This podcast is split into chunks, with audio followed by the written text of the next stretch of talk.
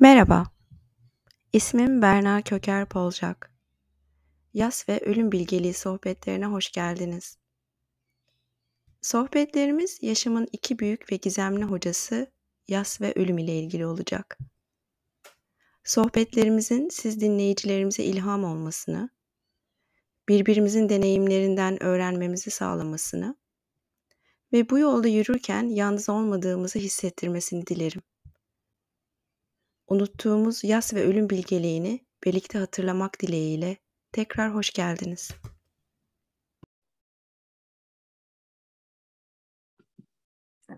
Çok teşekkürler. Evet, Berna'cığım tekrardan hoş geldin. Ee, hoş bulduk.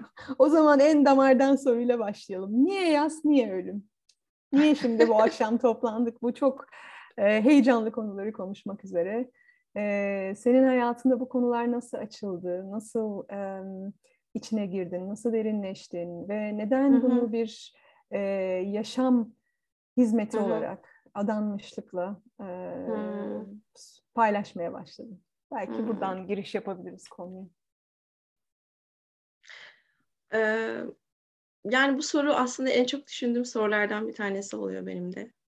İki türlü cevap verebilirim tanesi böyle daha klasik yerden yaşadıklarımla bağlantılı. Tabii ki yaşadıklarım bir yerlere taşıdı beni. Ee, klasik cevapta neler var? Ee, klasik cevapta tabii ki hayatımda karşılaştığım olayların e, beni buralara getirmesi var. Hani bir tanesi belki çok erken yaşta e, tamamen kontrolüm dışında e, karşılaştığım bir ölüm var. Ee, babaannemin yemek yerken boğularak ölmesidir bu olay. 10 yaşında. Ee, seyrettiğim bir olay. Olmak durumunda kaldı bu. Ee, ve tabii o aslında çok ciddi bir şekilde geçicilik kavramını bana çok erken yaşlarda sorgulatmaya başlatan bir kavram oldu. Ee, evet bir saat öncesinde konuştuğum, birlikte olduğum bir kadının bir saat sonra gözlerimin önünde boğularak ölmesi. Bunun etkisini tabii yavaş yavaş sonradan aslında benim için ne kadar büyük bir olay olduğunu anlamaya başladım. Aslında ne kadar sarsıcı ve altından böyle zemini kaydıran bir olay olduğunu anlamaya başladım. Bu ilkiydi. Ama sanıyorum daha çok böyle yakınlaşmamı ve alanın içinde de kalmamı sağlayan şey Tabii ki bir hastalık dönemiyle gelen, oğlumun hastalığı dönemiyle gelen ölüme yakınlaşma olayıydı. Ee, oğlum bir yaşındayken, e, bugün 16 yaşında, çok e, az görülen bir nörolojik rahatsızlık geçirdi. Beyni küçülmeye başladı. Ölüme çok yaklaştı. Yani uzunca süre öleceğini düşündük e, doktorların yorumlarından dolayı. E, daha doğrusu gidişattan dolayı. E, çok az da bir olasılık olsa belki ölmeyebilir demişlerdi. Oğlum şu an hayatta ama tabii ki bu geçirdiği dönemin sonuçlarıyla beraber yaşıyor ve yaşıyoruz. Bu olay tabii böyle öyle bir nasıl diyeyim derecede beni yaklaştırdı ki ölüme. Böyle ölümün tam kıyısında bir, bir buçuk sene geçti ev hayatımızda.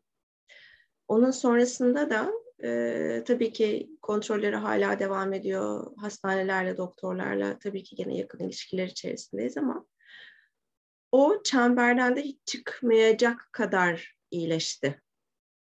Yani hani bir ayağımız hala e, hastane, e, nörolojik rahatsızlıkları olanlar, nörolojik teşhisler gibi bir çemberin içerisinde geçiyor. Ee, tabii bu olay böyle uzun uzun aslında yayılan, zamana yayılan etkileri olması açısından e, sanıyorum en çok yaklaştıran olay oldu. Şimdi bu ikisini ana olay olarak alıyorum ben hayatıma baktığım zaman kurgularken. Ama onun dışında tabii bu belki de hani klasik yerden, klasik yerlere sığmayan şeyler de oluyor insanın hayatında. Yani ben dönüp baktığımda kendi hayatıma çok çok küçük yaşlardan itibaren belki yaşam döngülerini sorguladığım anları yakalayabiliyorum kendimde dönüp baktığım zaman. yaşamın niyesini, nedenini çok ufak yaşlardan beri işte etrafımda o zaman annemdi benim için hani en yakın kaynak. Anneme sorduğumu, işte Türkiye'nin aslında spiritüelliğe açılan kapısı her ülke için böyle aslında dindir. Hani din bir aracı olur ve spiritüelliğe aslında adım attığımız ilk konudur, ilk yerdir. Oradan pencere açılır. Türkiye için bu tabii ki ağırlıklı olarak diyeyim, ağırlıklı olarak Müslümanlık.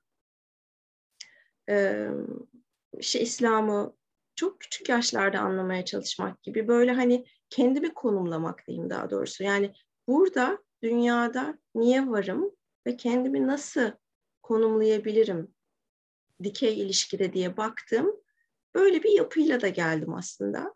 Bu da sanıyorum işte anlatılması daha zor olan, böyle bir kronolojiye bağlayamayacağım hı hı. bir de bir tarafı da var. Sanıyorum o ikisinin birleşmesi sonucunda benim için en azından kişisel olarak e, ölüm ve yaz e, çok ana konular olarak hayatıma oturdu. E,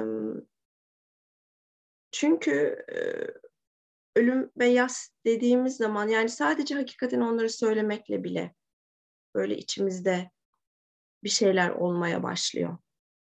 Yani mutluluk diyebiliriz, pek çok kelime kullanabiliriz. Ee, kullandığım pek çok kelime benim içimde bu tür kapılar tabii ki açmıyor. Ee, ve hayatımda hani şimdi de mesela yapmaya devam ettiğim e, ölüm eşlikçiliği olsun, yaz eşlikçiliği olsun. Yaşamla ve insanlarla benim açımdan öyle bağlar kurdurturuyor ki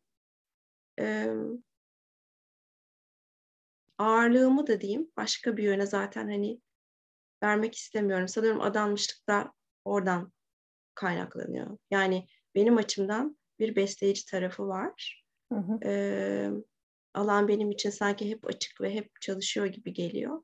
Hı hı. O yüzden de evet buradayım. Hı.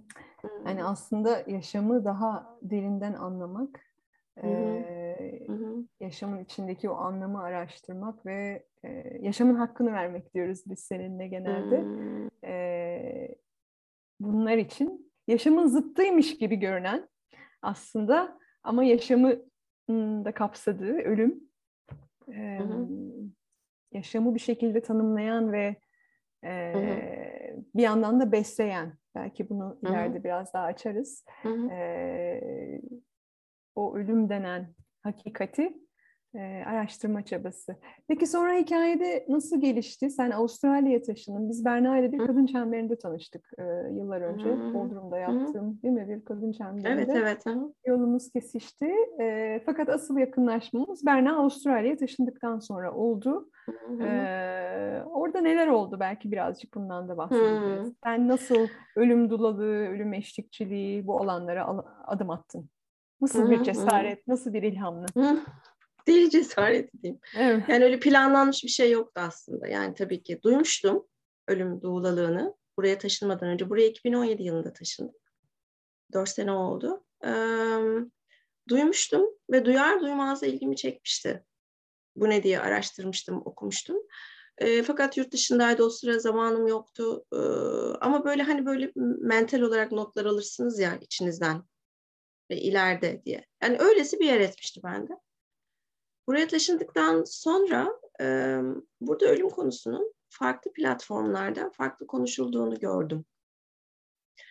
E, tabii ki burada da ölüm gene bir tabu. Yani e, tabuluğunu muhafaza ediyor burada da. Ama onun yanı sıra hani bizlerin şu an yaptığı gibi platformlar var açılan. İşte ölüm kafeleri daha çok düzenleniyor mesela. Hani ölüm kafesi ne derseniz ölümü konuşmak insan, isteyen insanların bir araya gelip sadece ölüm konuştuğu yerler. Veya işte hastanelere gittiğiniz zaman hastanelerin ım, hasta yakınlarını ne kadar desteklediğini gördüğünüz e, destek gruplarının fazlalığı. Mesela yasla ilgili destek grubu çoktur. Ve de konu spesifik hani çocuğunuz hastaysa hastaları destekleyen destek grupları çoktur. Ölümle ilgili konuşulan destek grupları. Yani bunların fazlalığı böyle benim içimde tabii bana bir alan açtı aslında öyle söyleyeyim. Hı hı. Bana bir alan açtı. e, ölüm kafesine gitmekle tabii ilk başladım. Buraya geldikten sonra onun olduğunu duyunca böyle bir ölüm kafesine gittim. E, ve hani konunun doğallığı, konuşulmasının doğallığı, e, oradaki insanların içtenliği, hani açılımı, o, yani hakikaten hani ilk ölüm kafemin bende yeri vardır yani katıldığım ilk ölüm kafesinin. Hı hı. E, sonra da e, akabinde tabii şeye bakmaya başladım. Yani hani ölüm doğruluğu eğitimi burada nasıl? Çok seçenek vardı. E, tabii ve de şey öncesi olduğu için, pandemi öncesi olduğu için daha çok yüz yüze yapılan eğitimler vardı.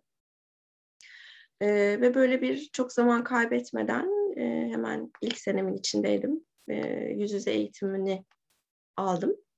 E, sonra tabii bunu nerede yapabilirim, nasıl değerlendirebilirim diye baktığımda da e, hastaneler tabii nispeten benim e, oğlumun Batu'nun belki beni alıştırması sebebiyle olan bir şey. Çok da kendimi uzak hissetmediğim şeyler. Yani tabii hastane dediğimiz kocaman bir organizasyon. Yani içinde değişik bölümleri var. Hepsinin dinamiği içinde çok ayrı. Ama böyle hastane dendiğinde hani bir tarafımın da böyle kendime konforlu hissettiğim bir yeri var. İçerisini biliyorum. İçerisinde çok vakit geçirdim. Öyle bir tecrübem var. Hı. O yüzden hastanede yapmakta hiç tereddüt etmedim. Ee, burada bir hastaneye başvurdum. Ee, işte görüşmelerden geçiyorsunuz. Özellikle şeyi tabii çok soruyorlar. Yani niye bunu yapmak istiyorsun? Hı hı. Hani gönüllü olmak isteyebilirsin ama niye hastanenin özellikle bu kısmında palyatif bakımda yapıyorum. Palyatif bakımda ölüme en yakın kişilerin e, vakit geçirdikleri, son vakitlerini geçirdikleri yerler gibi e, oralarda da böyle çok sorgulatan hakikaten görüşmelerden geçiyor. Güzel görüşmeler oluyor. E, ve sonra e, hastanede de işte belli bir oryantasyondan geçiyorsunuz. Hastanede başladım gönüllü olarak çalışmaya.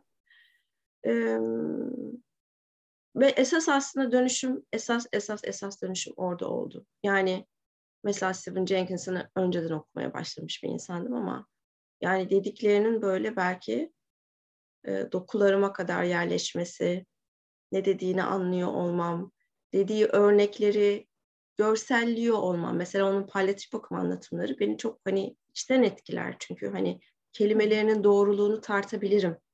Kelimelerin dediğinin bende karşılığı var. Hani görsel olarak bende karşılığı var dediklerinin. Hı hı. Ee, ve o yüzden o hani çok e, belki şunu çok rahatlıkla söyleyebilirim. Babaannemin ölümünden daha çok bir zemin kaymasına sebep oldu. Ben de palyatif bakımdaki ilk günlerim. Hı hı. Çok rahatlıkla söyleyebilirim. Hakikaten zemin kayması oldu. Yani sistemle ilgili, uygulamalarla ilgili ve sadece o da değil, yaşadığımız çağın etkileriyle ilgili. Yani hani biz ne oldu da buralara geldik? Yani biz ne oldu da buraya geldik? Sorusu böyle hani deli bir soru şeklinde sorgulamaya başlayışım oralar o aslında. Buraya buraya dediğini biraz açar mısın? Buraya geldik. Evet evet. Nereye geldik? Şimdi palyatif bakım bir taraftan tabii ki çok güzel bir yer. Yani onu söylemek isterim. Yani çıkış mantığı son derece insani sebeplere dayanan bir yer. Deniyor ki eğer artık tedavi ümidiniz kalmadı ise evinizde de istediğiniz kadar rahat bakılamayacağınızı düşünüyorsanız sizi palyatif bakıma alalım. Palyatif bakımda ne yapılıyor? Sadece ağrı idaresi yapılıyor. Sadece bir tedavi edici artık bir ilaç verilmiyor. Ağrı kesicilerle son zamanlarınızı rahat, ağrısız, rahattan kasıt da ağrısız olması geçirmeniz sağlanıyor. Bütüncül bakılmaya çalışılıyor. Yani her zaman bir e, psikolog ve psikiyatrist desteği var. Her zaman sosyal hizmetler desteği var alternatif tedavilerin uygulanmasına son derece açıklar. İşte reiki, masaj, hayvan tedavisi, evcil hayvan terapisi, müzik terapisi, sanat terapisi bunların hepsi palyatif bakımın içinde var. Ve bunlar hatta hani palyatif bakım protokolüne göre zaten bunlar olmaz ise benim yaşadığım ülkede palyatif bakım sayılmıyor zaten. Yani bunlar hani olması zaten yüzde yüz gereken şeyler. Yatak sayıları ona göre, Doktor sayıları ve hemşire sayıları ona göre bir orantı var orada. Mesela benim çalıştığım palyatif bakım 20 yataklı. Hı. Ee, 20 yatak hani duyduğunuzda belki çok gelmiyor olabilir 20 yatak ama çok. Ama çok. Çünkü yani bütüncül olarak yaklaşıldığı için doktorlar ve hemşireler evet her ne kadar kısıtlı vakit, gene kısıtlı vakitleri olsa da hastalarla diğer e, bölümlerle karşılaştırıldığında daha fazla vakit ayırabildikleri için 20 hasta aslında epey büyük kapasiteli bir yer olarak değerlendiriliyor palyatif bakımda. E, ama gelin görün ki, ama gelin görün ki palyatif bakımda şöyle bir şey daha var. Palyatif bakımda bizim bakımın ortalaması 11.8 gün mesela. Yani insanlar 11.8 gün palyatif bakımda kalıyorlar, sonra ölüyorlar. Bu kadar kısa yani bu kadar kısa bir süreden bahsediyorum. Hı. Hastanede palyatif bakıma gittiğiniz zaman evde de palyatif bakıma gitmeniz mümkün bu arada. Ben kendim o bahsettiğim sebepten dolayı konforlu hissettiğim için hastaneyi ben kendim tercih ettim. Ee, e, şöyle bir şey var. İçeri giriyorsunuz. İşte evet içerideki herkes niye orada olduğunu biliyor. Palyatif bakım bilinen bir şey. Niye palyatif bakım alındığını biliyor. Ömrünün az olduğunu biliyor. Çok az olduğunu biliyor. Artık tedavi edilmediğini biliyor. Ve mesela ona rağmen ölüyorum diyemeyen bir insanlar grubu var orada. Ölme kelimesini kullanamayan insanlar grubu var. Ve sadece bu hastalar için olan bir şey değil. Aile içinde öyle aynı şekilde. Yani aile de e, ölüyor diyemiyor yakını için. E, böyle bir gizli protokol var orada Hı. genelde. Aileler, yakınları ve doktorların da dahil olduğu böyle hani kimse o kelimeyi kullanmadan böyle odanın ortasında fil benzetmesi vardır ya film üstünde hani halıyı örtmeye çalışırsınız. Öyle bir durumda kimse e, ölüyorum demiyor, dememeyi tercih ediyor. Ama tabii ki bu böyle bulmacanın parçalarını birleştirmeye başladığımda ölme kelimesini kullanamamanın bir sonuç olduğunu gördüm orada. Yani bu bir bak, palyatif bakımda görülen benim karşılaştığım her şey bir sonuç. Hı hı. Bu bağlantıyı görebilmek, hissedebilmek çok kilit oldu benim açımdan. Bu bir sonuç yani ben orada sonucu yaşıyorum. Bunun bir geçmişi var. Bunun kültürel bağlantıları var. O bağlantılar o şekilde geliştiği ve biz sağken böyle yaşadığımız için sonucu da öyle oluyor onun. Bir anda ona evrilmiyor orası. Yani Aynı... yaşam boyu, çok affedersin sözünü kestim. Evet canım. Tabii, yaşam tabii. boyu e, ölümle ilişkilenilmemesi, tabii. Ölüm farkındalığımızın e, minimal olması, e, ölümü e, ötelemiş ve ötekileştirmiş olmamız, tamamen o süreçten yabancılaşmış olmamız, hı hı. hayatın son evresinde de böyle bir anda Tabii ki.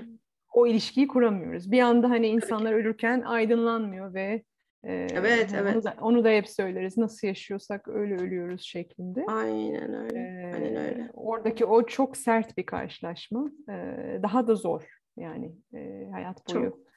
Bunu çok. E, düşünmediysek, tefekkür etmediysek e, hazırlığı yapılabilir mi emin değilim. Jenkinson de öyle söylüyor ya yani.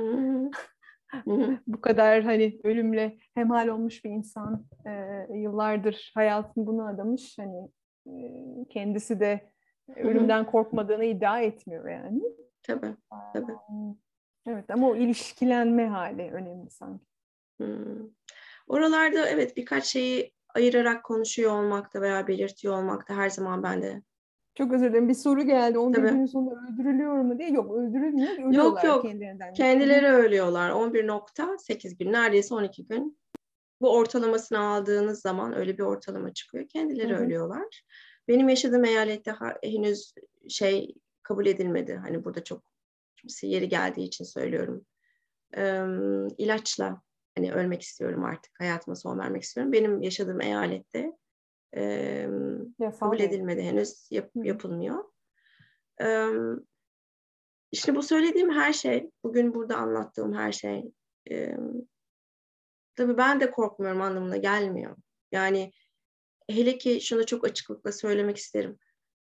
Gene insan kendi ölümü konusunda ben de öyleyim ve genelde gördüğümde öyle. E, çok korkmuyor insanlar. Yani ben öyle bilirim ama yakınlarına olduğum zaman özellikle. Yani bu evladın olduğu zaman. işte çok sevdiğin annen babanla sınandığın zaman tabii ki, tabii ki, tabii ki yani burada insan olmanın insanlıklarından, duygularından mahrum değiliz. Yani hmm. korku orada, üzüntü orada, keder orada. Yani bir yaz sürecinde nasıl tepki veriyorsanız hepsi orada o verilen tepkilerin. Bunlar ayrı. Benim zaten hani bunları sorgulamaktan kısmında işin bu kısımlarını da sorguluyor olmak değil. Belki bir parça derecesini oralara girerim ama bunların olması kadar normal bir şey yok zaten. Benim şöyle bir yanılgım vardı palyatif bakıma girerken. Daha doğrusu şöyle bir hayalim vardı hani evet ölmek üzere olan kişilerle vakit geçireceğim ee, ve de böyle bilgece laflar duyacağım diye. Yani öyle çok bilgi olmuyor insanlar bir anda ölürken. Hani öyle bir o hayalimin aslında ne kadar ayakları yere basmayan bir hayal olduğunu anladım. Ee, insanlar böyle çok bilge şeyler söylemiyorlar sana. Hayatın sırlarını söylemiyorlar. Konuşmuyorlar bile bazen. Yani öyle söyleyeyim. Hani konuşulmuyor bile bazen zaten. Yani orası öyle çok pembe hani bir yer değil. Zor bir alan konuşulmamayla da kalmak ve de hatta bu şekilde de konuşulmamayla da kalmak. Yani şey hakikaten zor bir denge. O odadan içeri girdiğiniz an oranın dengesi ne? Ve bu dengeyi bulurken ve konuşurken de hani sizden beklenti ölüm lafını ağzınıza almamanız mesela. Bu beni zorluyor. Bu beni zorluyor. Hı hı. Bunu söylemeden. Çünkü evet bu ortamlarda mesela ben kendi ortamımı kendim yaratıyorum. Ölüm konuşacağım diyorum. Ölümü zaten konuşacağım insanlar geliyor. Yani zaten ona göre şekillendiriyoruz. Ama orası öyle değil yani. Hastane olmasına rağmen öyle değil.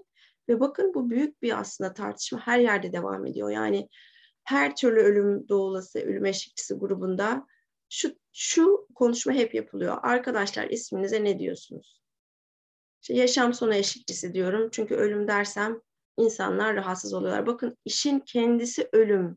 ismine ölüm denmiyor. Yani benim ölümü özellikle tutmamın hep bir sebebi vardır. Yani bilerek tutarım ben ölümü. Ölüm eşlikçisi. Yaşam sonu değil, geçiş değil. Çünkü bana ihanet etmişim gibi geliyor. Bu benimle alakalı bir şey. Hani içinize ne sinerse tabii ki herkes kullanmakta son derece özgür. Ama bu bana içinde bulunduğum alana kişisel olarak ihanet ediyormuşum gibi geliyor. Onun ismini kullanmıyor olmak. Ölüm işi yani. Ölünüyor. Ölünüyor olmak diye bir şey de var. Ve o sürecin zorluğu da var. Orada durmaya çalışıyorum o yüzden. Hı hı. Ee, hastaneler işte bu dengelerin bulunması, o alanlarda kalınması açısından da çok konforlu yerler olmuyor. İnsanlar hala ölüyorum demedikleri için. Diyemedikleri için. Direkt palyatif bakımdan girdik e, sürece. E, belki hmm. biraz yaz konusuna e, hmm. yani bu lineer bir şey değil tabii ama e, bir ondan hmm. bir ondan gidebiliriz. E, şimdi bunu sana sormadım. Şimdi söyleyeceğim bir şey müsaaden olur mu bilmiyorum ama ben hani sen Avustralya'ya taşındığında bir süre sana şahitlik ettim. O orada tabii, sen tabii, bir geçiş süre geçiş süreci yaşadın. Ve sen orada bir yaz kapısından geçtin Berna. Ben öyle evet, evet. yorumluyorum. Ee, Çok doğru. Nasıl bir yaz kapısıydı bu ve o yaz kapısından geçmek aslında buralara adım atmana nasıl vesile oldu? Benim için bir bağlantı var orada. Hı? Evet orada büyük bir bağlantı. Tabii tabii Filizciğim sağ ol bunu sorduğun için. Şimdi bizim Avustralya taşınma hikayemiz tabii ki ben Türkiye'den kaçarak taşınanlardan değildim Avustralya'ya. Yani benim hakikaten çok e, sevdiğim bir yaşantım. E, sevdiğim bir çember vardı. Arkadaş çemberi, dost çemberi, işte aile çemberi Türkiye'de yaşarken. E, son iki senemiz Bodrum'da geçirdik buraya taşınmadan önce. E, fakat özellikle Batu'nun durumu, e, Batu'nun okullarla ilgili olan e, durumu, okulda çok zorlanıyor olması, Türkiye'deki eğitim sisteminin daha akademik olması, esnetmeler yapılamaması gibi şeyler bizi hakikaten çok zorladı. Hani zorlamanın ötesinde öyle bir noktaya geldik ki artık ötesi olmadı. Artık ötesi olmadı. Yani ben son sene Batu'yu okula göndermedim. işte milli eğitim peşime düştü falan gibi şeyler sonucunda artık evet Avustralya'ya gitmek zorundayız noktasına geldik. Benim eşim Avustralyalı. zaten burada doğdu büyüdüğü için hani Avustralya zaten hani bir gün gider isek orası Avustralya seçeneği zaten orada duruyordu. Bu arada eşim de benim Türkiye'de yaşarken yani Bodrum'u çok sevdi. Türkiye'yi çok sevdi. Yani biz çok memnunduk hayatımızdan orada. E, fakat işte bu sebepten dolayı ağırlıklı olarak bu sebepten dolayı e, buraya geldik. E, şimdi tabii burada da şöyle çok büyük bir yaz süreci oldu. Burası çok uzak bir yer. Yani hmm. önce Avustralya ile ilgili onu söylemek isterim. Hmm. Hakikaten bir dünyanın değil mi? Değil, değil. Yani ben daha önce Amerika'da da yaşadım. Hani 6-7 sene Amerika'da yaşadım. New York'ta yaşadım. Hani bir uçakla belki yani 10 saatte 11 saatte birkaç günlüğüne bile gidip gelebildiğim bir yerken buranın fiziksel olarak uzaklığı artı güney yarımküre kuzey yarımküre farkı beni hakikaten çok zorladı. Çünkü onun şöyle bir etkisi oldu benim üzerimde ya hakikaten bambaşka yani ay uymuyor mevsim uymuyor sizde okul açıkken bizde kapalı hani yani o açılardan da kısıtlayıcı şeyler var yani çocukları bırakıp üç oğlum var benim hani okullar burada siz yazırken burada kış dönemi ve okulun böyle hani en aslında hani ağır ve ağır demekten kastım şu en müfredatta olunduğu yer. Yani o kadar çok şey var ki buralarda e, çok zorlandım. Çok ciddi şekilde bir yaz sürecinden geçtim ve de uzun da sürdü. Yani şimdi geri dönüp baktığımda hani dört sene oldu mu çok rahat bir iki buçuk, üç senesinin ağır geçtiğini söyleyebilirim. Ağır geçtiğini e, ve böyle geçirdiğim süreçlere baktığım zaman da böyle tam bir şey yani tam tam bir yaz süreci her açısından yani gösterdiğim tepkiler açısından işte böyle bir hiç kontrolüm olmadığı anlarda gelip beni vurması açısından falan tam tam yani yüzde yüz bir ciddi yaz sürecinden geçtim. Ee, hala benim tetiklenebildiğim ve hala orada olan bir şey. Hani yaz geçmiyor diyoruz yani o benim için var. Yani o hala orada da duran bir şey. Geçtim diyemem. Hı hı. Ee, sadece her yazda olduğu gibi hayatıma daha iyi entegre oluyor artık. Daha iyi entegre oldu artık. Yani onunla beraber var olabiliyorum. Öyle bir yerdeyim. Öyle söyleyeyim. Bunun nasıl etkisi oldu? Bu tekrar hakikaten e, şimdi yaz sürecinde olduğumuz zaman yasla ve konu yas ve ölüm olduğunda ben hep onu söylüyorum. İnsanlarla kurduğum ilişkiler çok başka bir yerden başlıyor. Yani normalde bir insanla ilişkinize şöyle başlıyorsunuz ve böyle yavaş yavaş ilerliyorsunuz değil mi birbirinizi tanıcık, tanıdıkça. Yaz ve ölümle başlanan ilişkiler için buradan başlıyorsunuz. Hı. Çünkü zaten o kadar kırılgan ve o kadar kalbin açık olduğu anlarda bir arada oluyorsunuz ki zaten o insanla. Ee, o belki ilk baştaki süreçlerin hepsini atlıyorsunuz. Hı. Ve artık önemi de kalmıyor zaten. Atlamayı da kötü bir anlamda söylemiyorum. Önemsiz oluyor zaten belki o geçen zamanda. Başka bir alanda buluşuyorsunuz orada. Hı. Kalpler açılıyor. Kendimle ilişkimde de öyle oldu. Şimdi bu kendinizle ilişkiniz içerisinde aynı şey söz konusu. Benim yasıma ev sahipliği yapabilme çabam aslında e, yaslarımı görebiliyor olma, kendime alan tutabilme becerimi genişletti. Ölüm doğulalı çalışmalarında hep söylüyorum ben. Ölüm doğulalığı aslında insanın kendisiyle bir çalışma. Hı. Hep bunu söylüyorum. Onun için de eğitim demem ben mesela kendi çalışmalarımı. O anlamda bir eğitim değil benim çalışmalarım. Ölüm doğulalı eğitimlerinin çok böyle farklı olanları vardır. Daha teknik şeyler verilir, şu verilir, bu verilir. Benimkisi için çok daha önemli olan şey o kişinin ölüm ve yasla kendisiyle ilgili çalışmasıdır. Hı. Çünkü eğer bu konuda kendinize nasıl alan tutabileceğiniz konusunda bir araştırmanız ve hevesiniz yok ise başkasının yanında kalmak çok zor. Ve hatta bu başkası anneniz babanız da olabilir. Yani ölüm doğulalığını hep söylüyorum. Hastanede çalışmak için almanıza gerek yok. Bu çalışmayı yapmanıza gerek yok. Ölüm hepimizin başına gelecek. Hepimizin. Yani ölümün uğramadığı ev yok. Yakınlarınıza eşlikçilik ederken de o alanda durabilmek için bahsediyorum. Her şey önce kendimizden başlıyor. İşte oralarda benim kendimle yaptığım çalışma nispeten alanda nelere tetikleneceğim konusunda bana bir manuel oldu kendime. Yani şimdi bu o alanda ben tetiklenmiyorum anlamına gelmiyor yani. Alanda işte böyle benim gibi mesela senelerini Avustralya'da geçirmiş. Her zaman kendi vatanına dönmeyi planlamış ama dönememiş, hasta olmuş. Senelerdir tedavi oluyor. Şu anda ölmek üzere hastalarla karşılaştığımı düşünün. Şimdi beni düşünün. Geçmişimde anlattım size. Tetikleniyorum. Tabii ki tetikleniyorum. Yani orada vatan hasretiyle, kendince toprak hasretiyle ölen insanlar var yani. E, evet bu beni tetikliyor.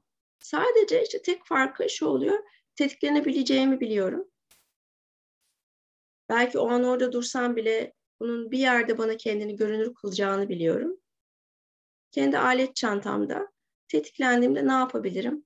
Kendime nasıl daha iyi eşlik edebilirim? Kendime şu an daha şefkatli bir yerden nasıl bakabilirim? Hı hı. Mi? İşte pratik ediyorum diyeyim. Hı. Kendimle pratik kısmı da bu aslında.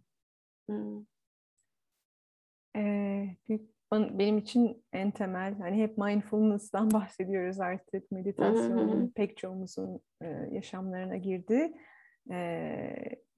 Beni de bu konulara çeken en önemli şey yani hayatta belli çok temel konular var ve şu anda içinde yaşadığımız hakim kültür e, bu konuları hasır altı etmiş durumda. Hı-hı. Yas bunlardan, ölüm böyle, cinsellik böyle, e, işte Hı-hı. ne bileyim para konusu öyle. Yani büyük tabular var. E, ve bunları böyle öteledikçe hayatlarımız giderek daha da dar alanlara sıkışıyor. Ve e, insan olmanın en doğal hallerinden, en temel hallerinden işte yas ve ölüm zira böyle. E, bunlarla ilişkilenemediğimiz, bunların gözünün içine bakamadığımız zaman e, işte bir e, yani ya, yargılayıcı bir şey ondan söylemek istemiyorum ama bir ışık ve mutluluk arayışı içerisinde e, oraya bakma, buraya bakma, işte bununla göz göze gelme diyerek böyle dar alanda bir giderek sığlaşan ve ıssızlaşan yaşamlar e, olduğunu görüyorum. Hı-hı. Ben kendi adıma, kendi yaşamımda e, o genişlemeyi, o derinleşmeyi aradığım için e, nerelere bakmıyorsak oralara gidip e, o zorlu yerlerde dolanıp kendi e, mevcudiyetimi ve kendi kabımı işte kişisel olarak güçlendirmeye çalışıyorum.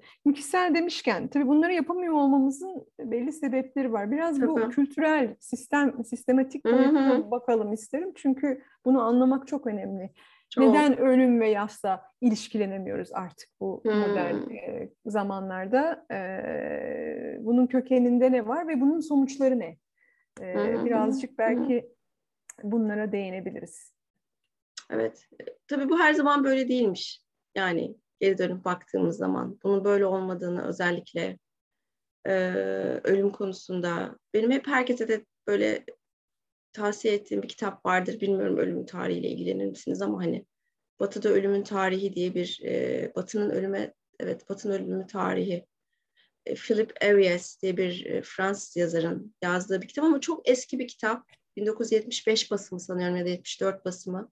Ve bildiğim kadarıyla internette e, ücretsiz PDF'i var bildiğim kadarıyla.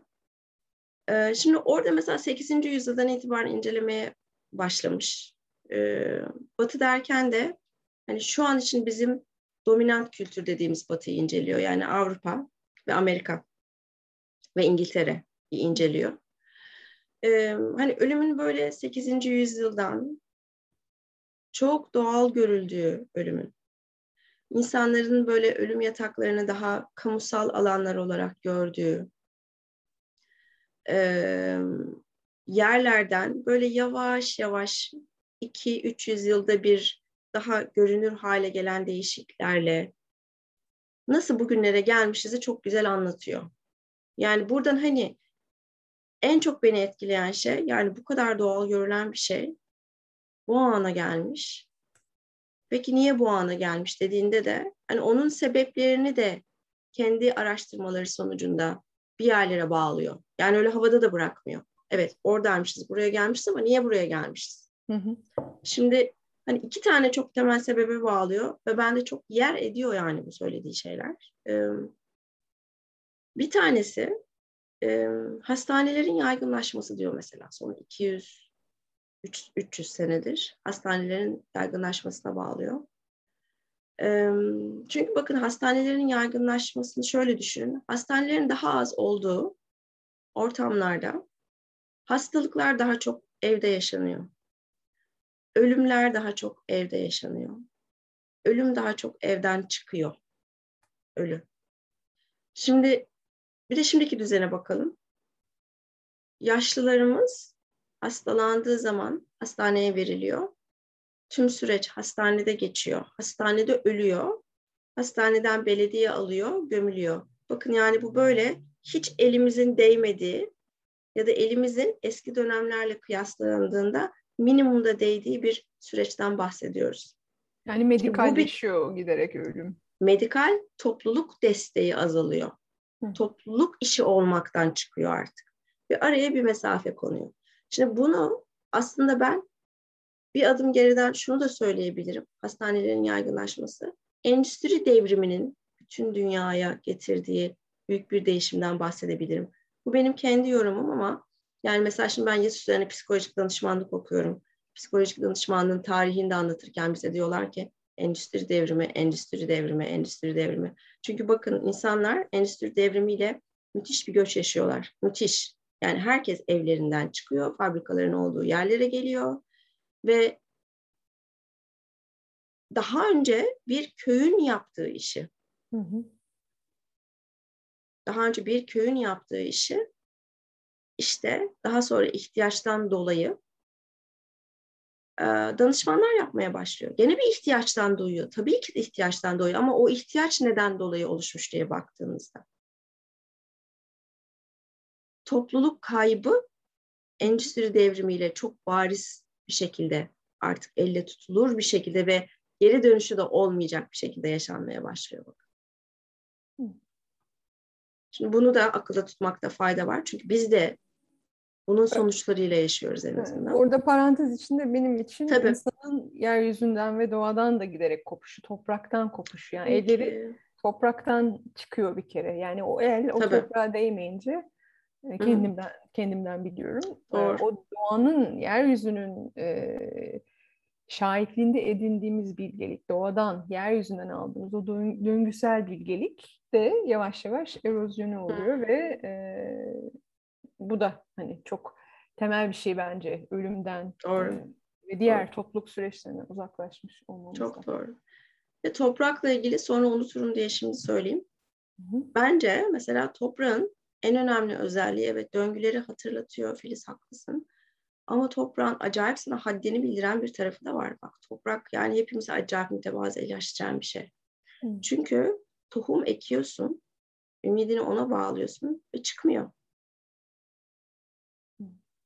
Yani bu bizim hani şu an her süreci kontrol altına alırım. Her şeyi en iyi yaparım. Her yaptığımdan da sonuç alırım.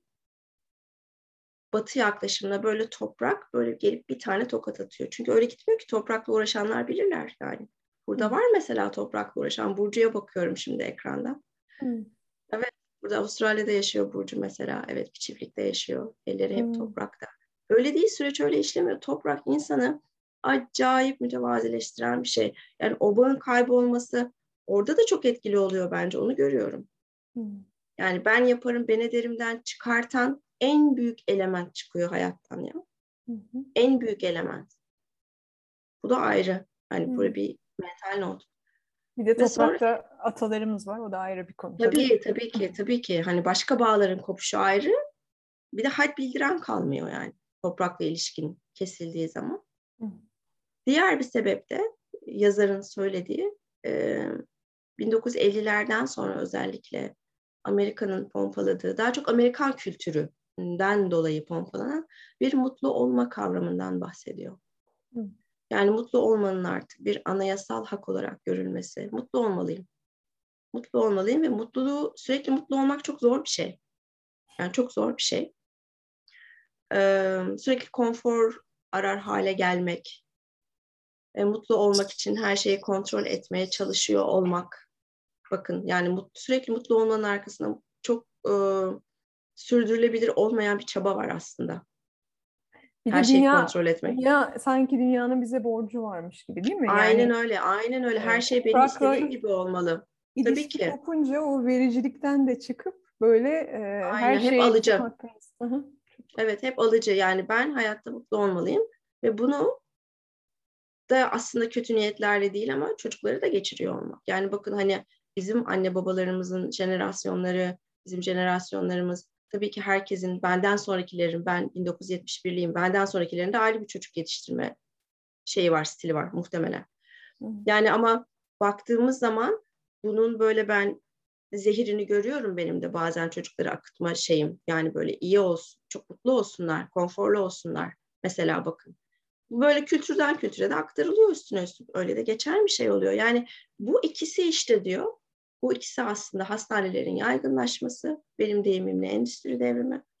İkincisi de işte mutluluk, hep mutlu olmak, hep mutlu olmak kavramı, bunun normalleştirilmesi daha doğrusu. Bunun sonuçlarında ölümden ve yastan uzaklaşılıyor. Çünkü bakın hep mutlu olduğum olmak istiyorsanız eğer mutluluğun içinde zaten üzüntüye acı yok. İşte yani kelime olarak belli ne oldu bakın.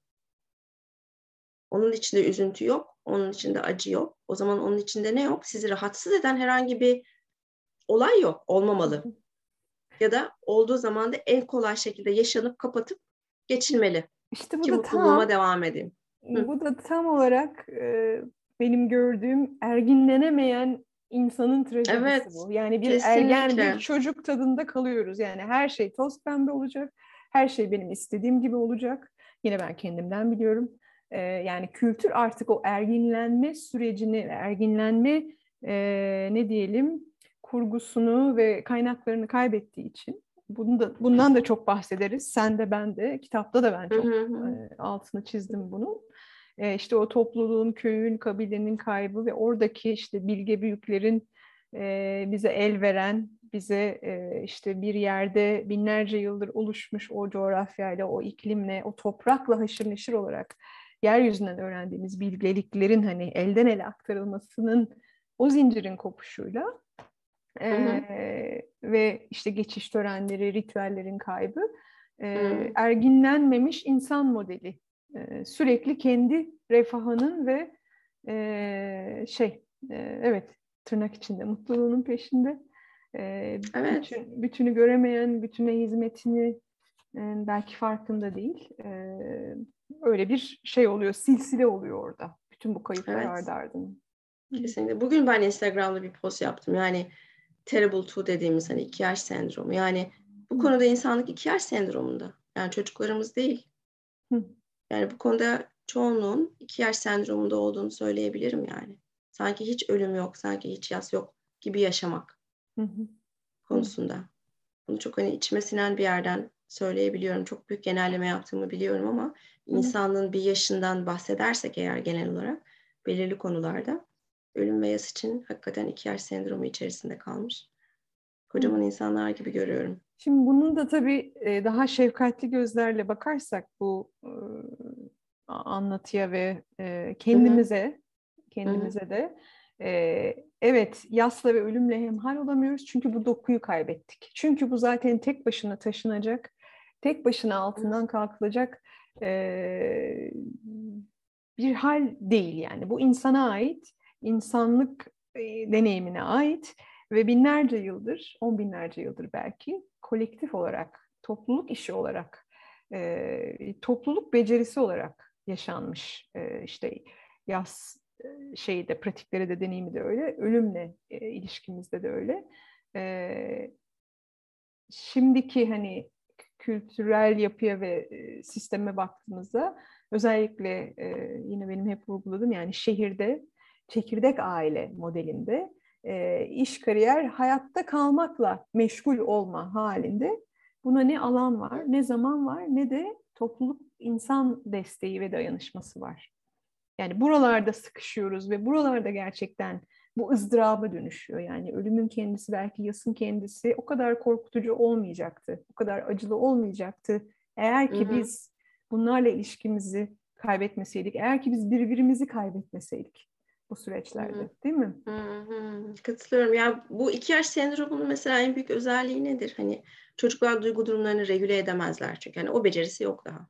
Hı-hı. Şimdi biz tabii büyük bir insan olarak iki yaş sendromu gösterdiğimiz için bir şekilde bu taraftan bakıyor olmak lazım. Hani nedir? Anne baba şefkati lazımdır çocuğun. O durumu regüle edebilmesi için. Hı hı. Yanında olabilmesi için, desteklemesi için ki hani onu öğrensin zaman içerisinde. Şimdi peki bizim buradaki duygu durumumuzu nasıl regüle edecek? Kim bizi regüle edecek? Yani anne babalarımız da zaten orada değil ki çoğunlukla veya topluluk da orada değil ki. İşte yavaş yavaş. Yani burada ben hep yavaşlamayı ve konuların içinde demlenmeyi çok kıymetli buluyorum. Şimdi mesela bu konuyu ilk defa dinliyorsunuz değil mi? Belki belli şeyleri ilk defa duyuyorsunuz. Biraz bunun içinde demlenmek. Çünkü sinir sistemi bir oynuyor bunları. Zorlanıyor bunlar duyulduğu zaman. Bu çok çok çok normal bir şey. Çok normal. Bunun içinde biraz kalmak. Yani buradan bir iki cümleyi belki bir cebinize koymak. Hmm. Onunla beraber uyumak. Kalktığınızda yarın biraz daha bunu düşünüyor olmak. Hmm. Gibi yavaş yavaş yani burada yavaşlamayı ve demlenmeyi ki bu yavaşlama da işte şu andaki içimizdeki kültüre çok farklı bir şey. Zaten hmm. yavaşlayacak zamanımız yok. Hmm. Ama yavaşlamak deyince benim kastım mevcut olduğunuz düzeni değiştirecek süper radikal şeyler yapmanız değil. Kendinize beş dakika vermeniz. Beş dakika, beş dakika yavaşlayın. Yani buralarda kendimize şefkat gösteriyor olabiliriz. Hı. Buralarda o konunun içine demleniriz. Yani çay demlendikçe aroması çıkar bakın. Konular için de öyle şey. Hani içinde din, din, dinleneceğiz, demleneceğiz. Biraz öyle kokusunu alacağız ve öyle hareket edeceğiz. Öyle devam etmek gerekiyor buralarda da. Yoksa evet sinir sistemini zorlayıcı konular. Hiç alışık olmadığımız, duymadığımız, konuşulmayan konular oldukları için şeyi ayırıyorum. Yani yaz sürecinde genelde birlikte vakit geçirme onuruna eriştiğim insanlar diyeyim hani o arada. Ee, tabii ki yani o ölümle gelen yastan konuştuğumuz zaman özellikle o kişinin kaybı çok büyük üzüntüler, yaralar açıyor. Yani o zaten hani soru işareti yok işin o kısmının üzerinde. Ve olmalı da zaten. Hı hı olmalı da o üzüntü zaten. Yani sevdiğimiz bir kişinin kaybı kolay bir şey değil. Büyük bir boşluk. Ama bir de burada zorlanırken işte bu hiç bakmadığımız bir konuyla karşılaşmış olmak, onu anlamlandırıyor olmak ve onu bir yere koyuyor olma çabası birleşince çok fazla oluyor. İşte bu çok fazla oluyor bakın. Genelde de orada buluyoruz kendimizi. Daha önceden hiç bakmadığımız için. Anlamlandıramıyoruz. Ne olduğunu anlayamıyoruz. Çok büyük isyanlar başlayabiliyor. Buralarda belki biraz erken bakarsak üzüntümüzü, acımızı engelleyemeyiz. Kesinlikle engelleyemeyiz. Ve onlar olmalı da zaten sağlıklı. Ama onun yanı sıra biraz daha yabancılığımızı azaltıyor olabiliriz belki. Yaşam döngüsüne. Hı hı. Yasla ilgili tabii e, pek çok ne diyelim e, yani yasın böyle bir şey tarifini, tanımını yapmıyoruz tabii ki. Hani, e, sözlük tanımını ya da yas budur. Hani sen ve ben genelde biz böyle yaklaşıyoruz, biz böyle anlıyoruz diye hani bu konunun Hı-hı. tırnak içinde bilir kişisi ya da uzmanı Hani olmaz Hı-hı. diyoruz yani. Büyük bir gizemden bahsediyoruz burada. Ölüm de öyle, yas da öyle. Bunun uzmanlığı, bunun bilir kişiliği olunmaz. Ee, bununla ilişkisini derinleştirebilir insan. Yasa çıraklık diyoruz değil mi? Ee, evet. Yasla bir ilişki e, kurmak hayat boyu sürecek. E, kendisinden öğrendiğimiz, e, işte bizi dönüştüren, e, kalbimizi kırıp açan falan. E, ama yasa dair e, hani belli şeyler var. E, hani benim ne diyeyim insanları e, yasa yaklaşmak konusunda hani e, belki engel teşkil eden bir takım inançlar e, ve belki yanlış anlamalar diyebiliriz. Hani sen ve ben mim yaklaştığımız şekilde işte yaz eşittir e, illa ızdırap değil, yaz eşittir travma değil. Yaz illa eşittir sadece keder, üzüntü değil. E, yaz böyle çok daha karmaşık ve e, gizemli bir hal. E, içinde pek çok duyguyu barındıran. E, e, benim için hatta yaz e, o kayıpla gelen yani sevdiğimiz, değer verdiğimiz e, ve bağımız olan bir şeyi, bir durumu, bir e, yeri, bir insanı neyse bir hayvanı kaybettiğimizde yani fiziksel formda kaybettiğimizde e, onunla gelen acının işlenmesi benim için yas. Ben mesela yastan öyle bir şey anlıyorum. O acıyı, o acıyla donmamak, o acıyla e, kapanıp e, kalmamak, o acıyla e, hayata küsmemek. Yani bütün bunlar olabilir ama yastan onu anlamıyorum ben. Benim anladığım yastan o acıyı işleme sanatı gibi bir şey yas. E, her ne oluyorsa e, her şeye rağmen ve her şeyle birlikte o kalbi e, yumuşak ve açık tutma sanatı, kalpte yaşama sanatı gibi. Hmm. E, ve tekrardan o sevginin ve şükranın akmasına izin verecek yolları açmak, boşlukları açmak bünyede belki. Ee, hmm. Ve insanlar e, özellikle işte kadim topluluklar hani e, zamanın başından beri belli e, pratikler geliştirmişler, ritüeller geliştirmişler, yaratıcı ifadeyle, sanatla çalışmışlar. Çünkü hayat böyle muhteşem güzellikler barındıran ve muhteşem dehşetler barındıran büyük bir gizem ya. Yani işte yas ve ölümde o belki dehşetli e, güzelliklerinden yaşamın. E, onlarla nasıl hemhal olacağız? Yani bir insan psişesi bu kadar büyük, e, gizemli ve bazen de korkunç şeylerle nasıl baş edebilir? Baş etmek de çok iyi bir laf değil. Nasıl ilişkilenebilir?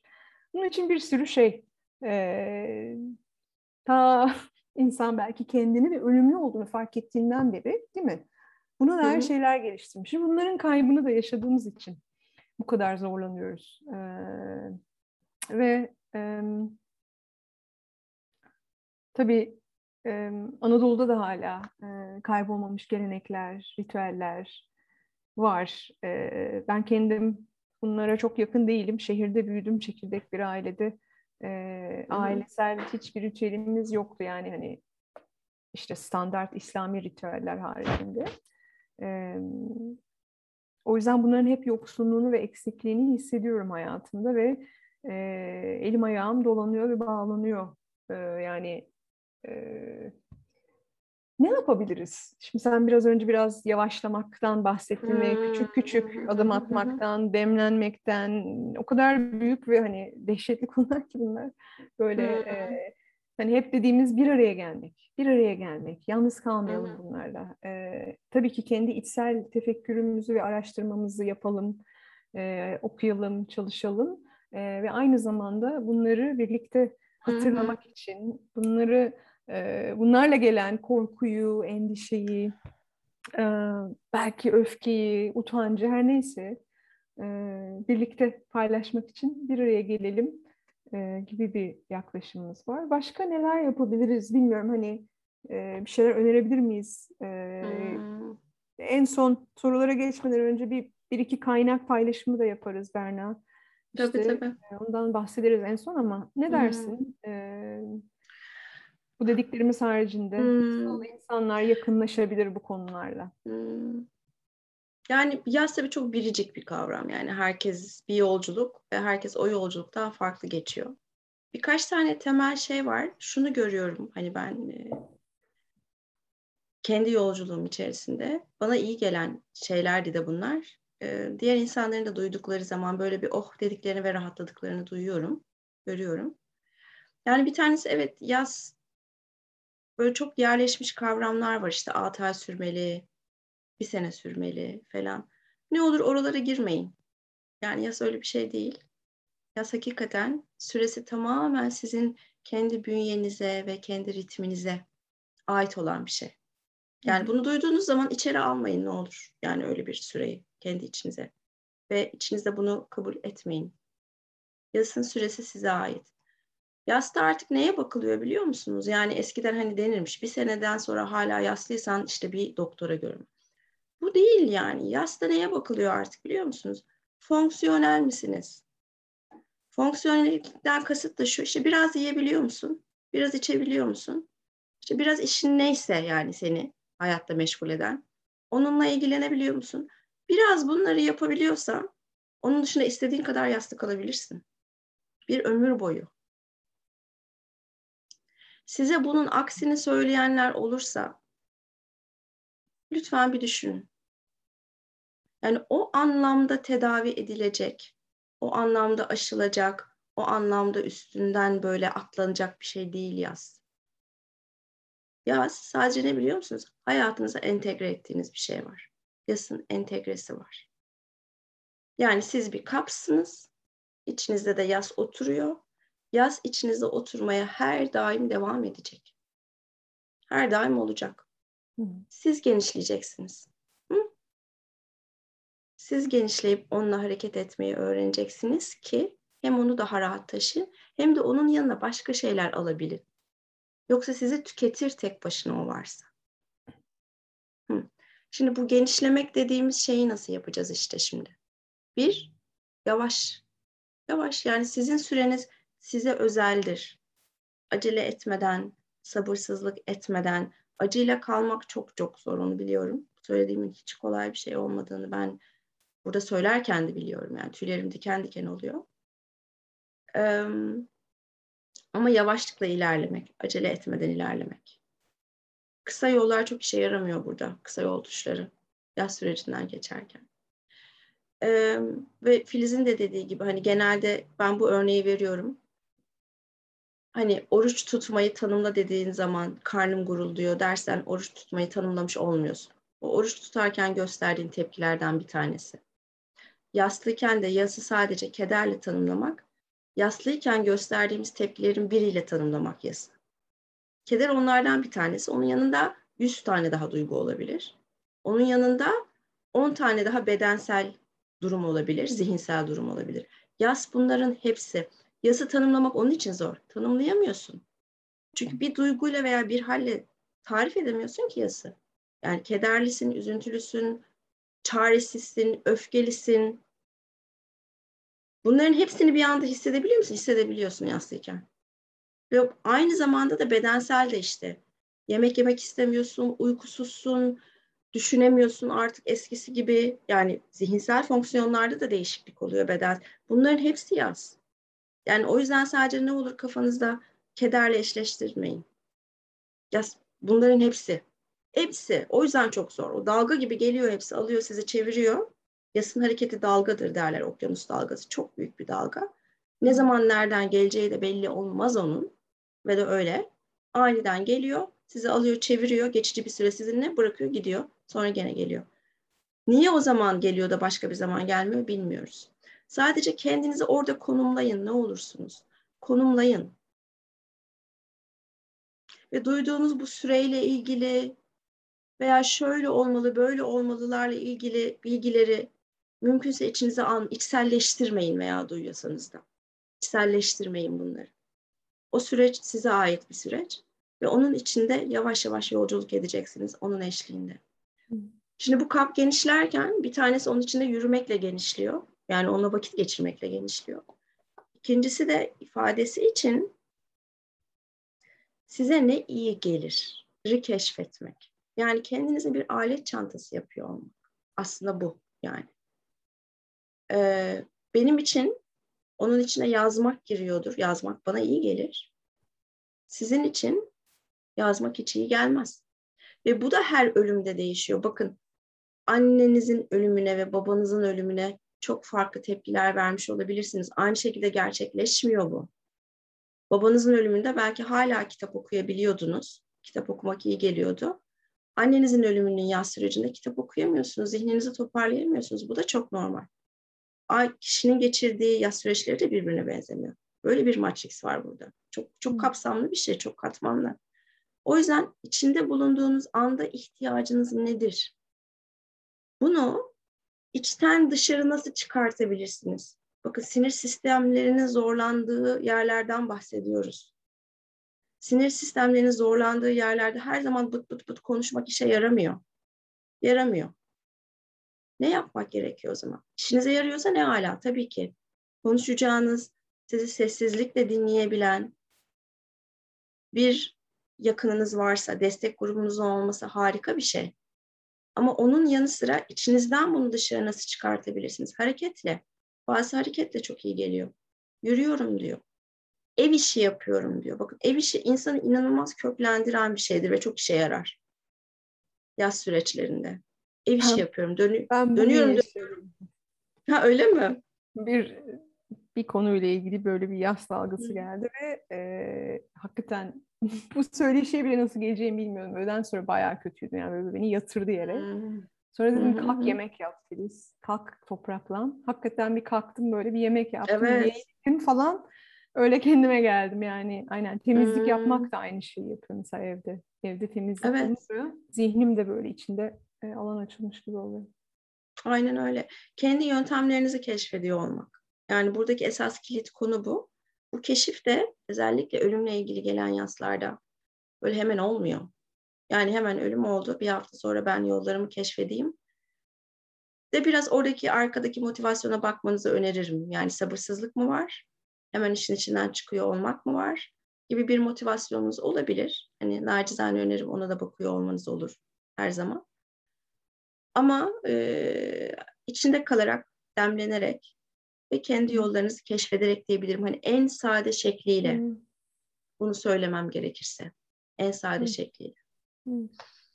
Şeyin tabii bunun hep yanında bir parantez açıp böyle hep hatırlatasım geliyor kendime de özellikle. Yani yaz dediğim şey hani bir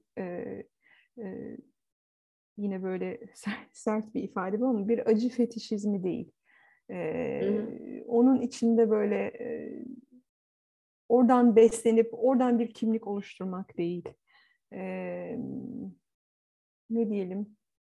Benim için en azından hani naçizane e, kendime acımak ve e, oradan e, hani e, kurban olduğuma ve yaşamın beni ceza, cezalandırdığına dair bir inanç şeyi içinde kaybolmak değil. Yani buralara da böyle bir farkındalık getirmek. Hani oralara Hı-hı. gidiyorsam hmm, e, hani benim için yasın şeyi e, simyası oralarda değil. Yani evet Hı. yaz geliyor, evrip çeviriyor ve bir değişim dönüşüm bir çeşit o da bir hani fiziksel ölüm değil ama başka böyle bir başka bir şey oluyoruz yani. Ee, oralarda dediğim gibi hani kapanıp kalmak, sıkışmak, direnmek, bunu alan açamamak e, daha böyle acılı bir hale e, getiriyor sanki o deneyimi. Bir de şimdi içinde olduğumuz zamanlarda yani hani bireysel kayıplar, işte hastalıklar, ölümler bunlar var. Ama biz hani hep yaz ve ölümle programında da paylaşırız. E, Francis Beller'ın e, sevdiğimiz yine bu konuda büyüklerimizden biri. Onun dediği yasın beş kapısı vardır. Yani bireysel kayıplar sadece bir kapıdır. E, belki yasın 1500 kapısı var bu arada ama o beş tane temel kapıdan bahseder. İşte e, ne der, içimizde sevilmemiş, hiç sevgiyi tanımamış, yerler vardır. Mesela buna dair yazlarımız vardır.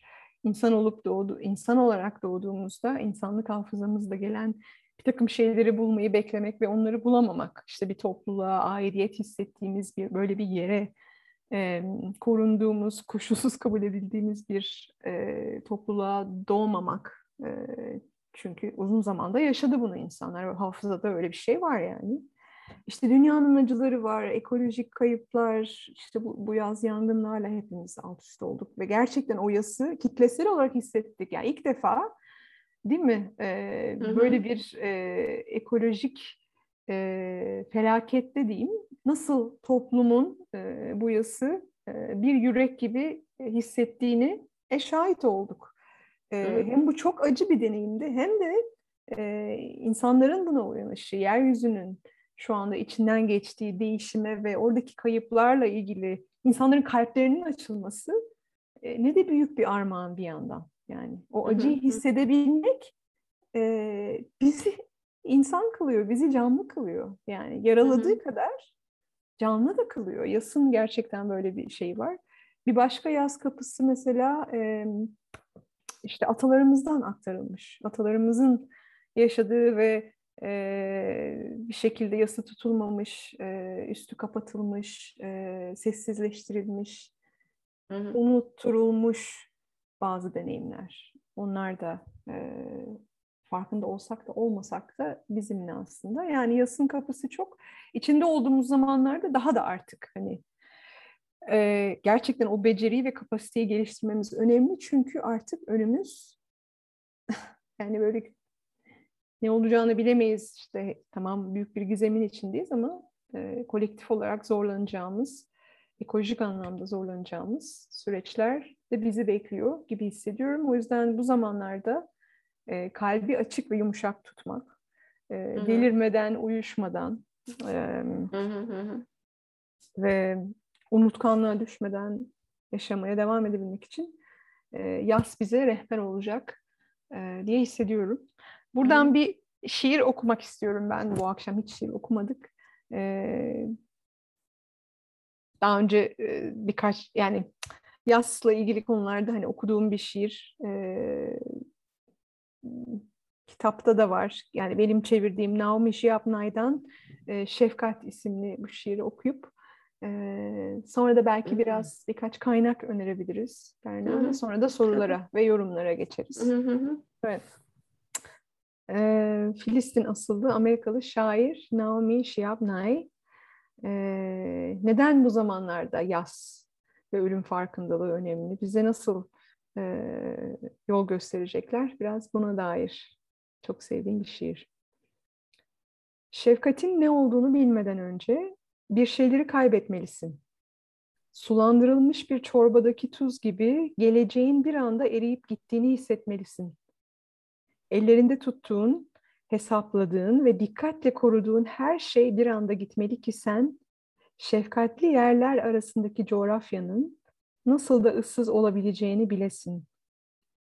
Bu otobüsün hiç durmayacağını düşünerek nasıl da yol alırsın? Tavuk ve mısır yiyen yolcular sonsuza kadar camdan dışarı bakacakmış gibi. Şefkatin narin ağırlığını öğrenmeden önce beyaz panço giymiş bir yerlinin yolun kıyısında ölmeye yattığı yere yolculuk etmelisin. Görmelisin onun yerinde senin de olabileceğini. Onun da bütün gece planlar yaparak seyahat ettiğini ve onu hayatta tutan basit nefesi. İçindeki en derin şey olarak bilmeden şefkati, kederin de diğer en derin şey olduğunu bilmelisin. Kederle uyanmalısın, keder konuşmalısın ta ki sesin tüm kederlerin ipinin ucunu yakalayana ve sen dokumanın boyutunu idrak edene kadar. İşte o zaman tek anlamlı gelen şefkat olacak. Ayakkabılarının bağcıklarını yalnız şefkat bağlayacak ve ekmeğin için seni güne gönderecek. Yalnızca şefkat başını kaldırıp dünya kalabalığından arayıp durduğun benim diyecek sana. Ve sonra seninle her yere gelecek. Bir gölge ya da bir dost gibi. Naomi Shihab kendisine şükranla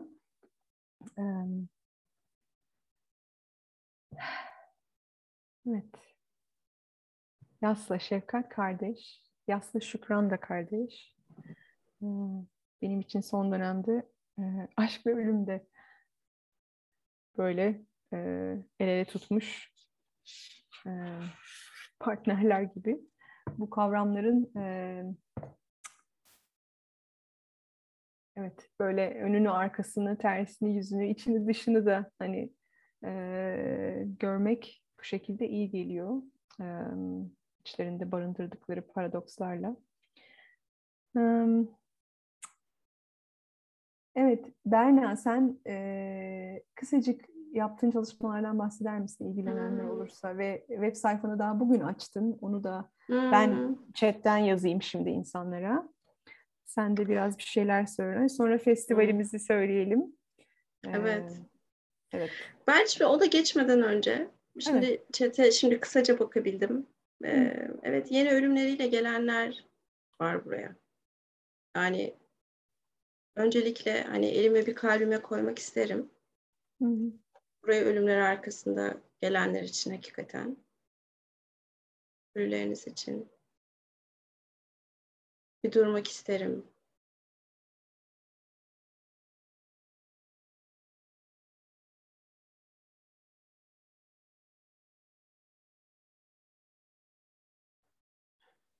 Evet. Sağ olun. Yani kederinizle birlikte bu alanda olduğunuz için, onları da bu alana getirdiğiniz için.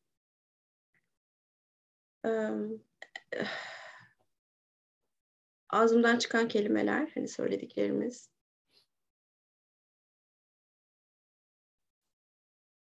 Belki yankılanmıyor olabilir sizlerde.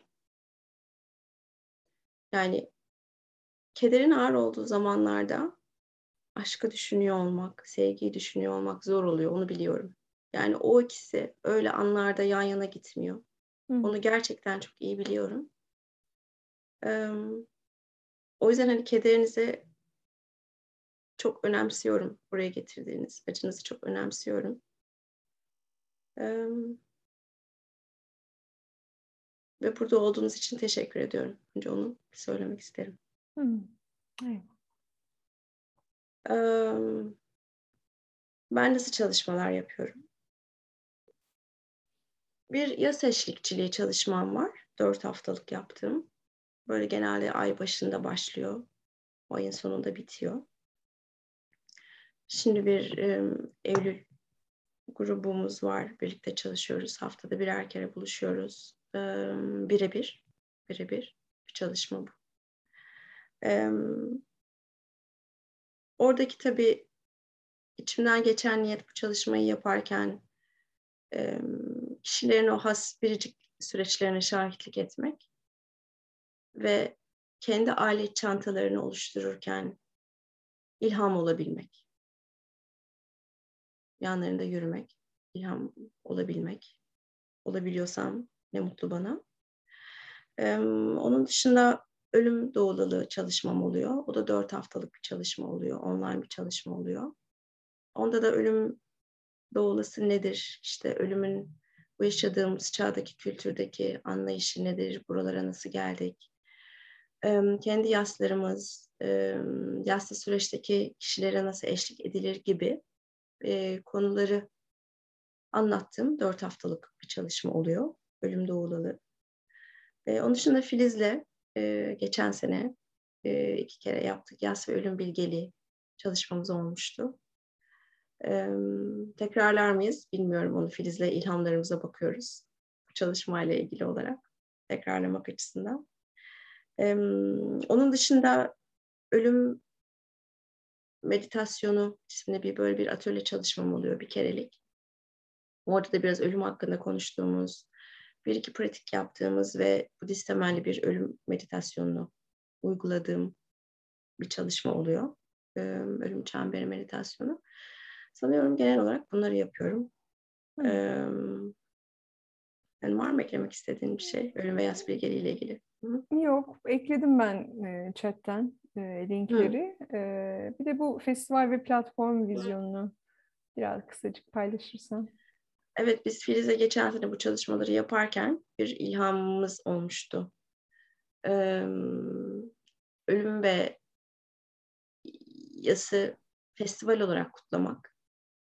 Ee, bir online festival yapmak e, ve burada atölye çalışmalarının olması içinde e, konuşmacıların olması, meditasyon gruplarının olması, ölüm kafelerinin olması e, ve iki gün sürecek bir festival düşünmüştük. E, bu sene takvime baktığımızda da tesadüf olarak 30-31 Ekim e, Cumartesi pazara denk geldiğini gördük. 30-31 Ekim biliyorsunuz hani bizim aslında e, gene modern toplumda Cadılar Bayramı olarak bildiğimiz ama aslında kökü çok eskilere dayanan e, bir festivaldir aslında 30-31 Ekim.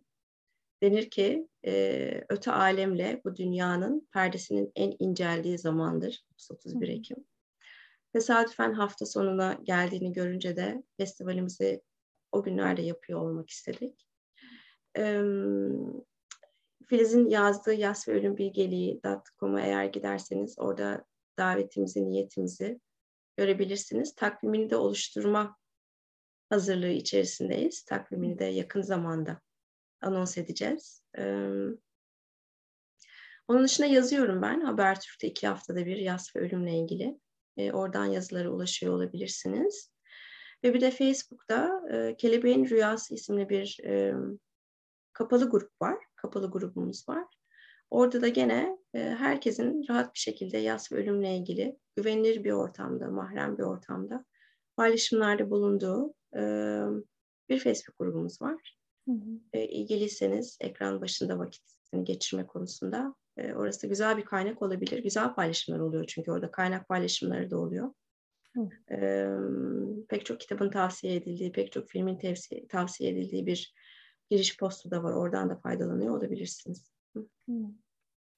E, festivalle birlikte de açacağımız olan e, ha, evet. daha orta uzun vade vizyonu. Berna'nın daha ziyade bir vizyonuydu bu. Bir platforma dönüşmesi ve bu konuların e, merak ettiğimiz, zorlandığımız, e, araştırmak istediğimiz, birlikte hatırlamak istediğimiz e, bu konuları e, yine güvenli bir ortamda e, korkmadan, çekinmeden e, birlikte paylaşabileceğimiz bir online e, alana dönüşmesi, bir topluluğa dönüşmesi.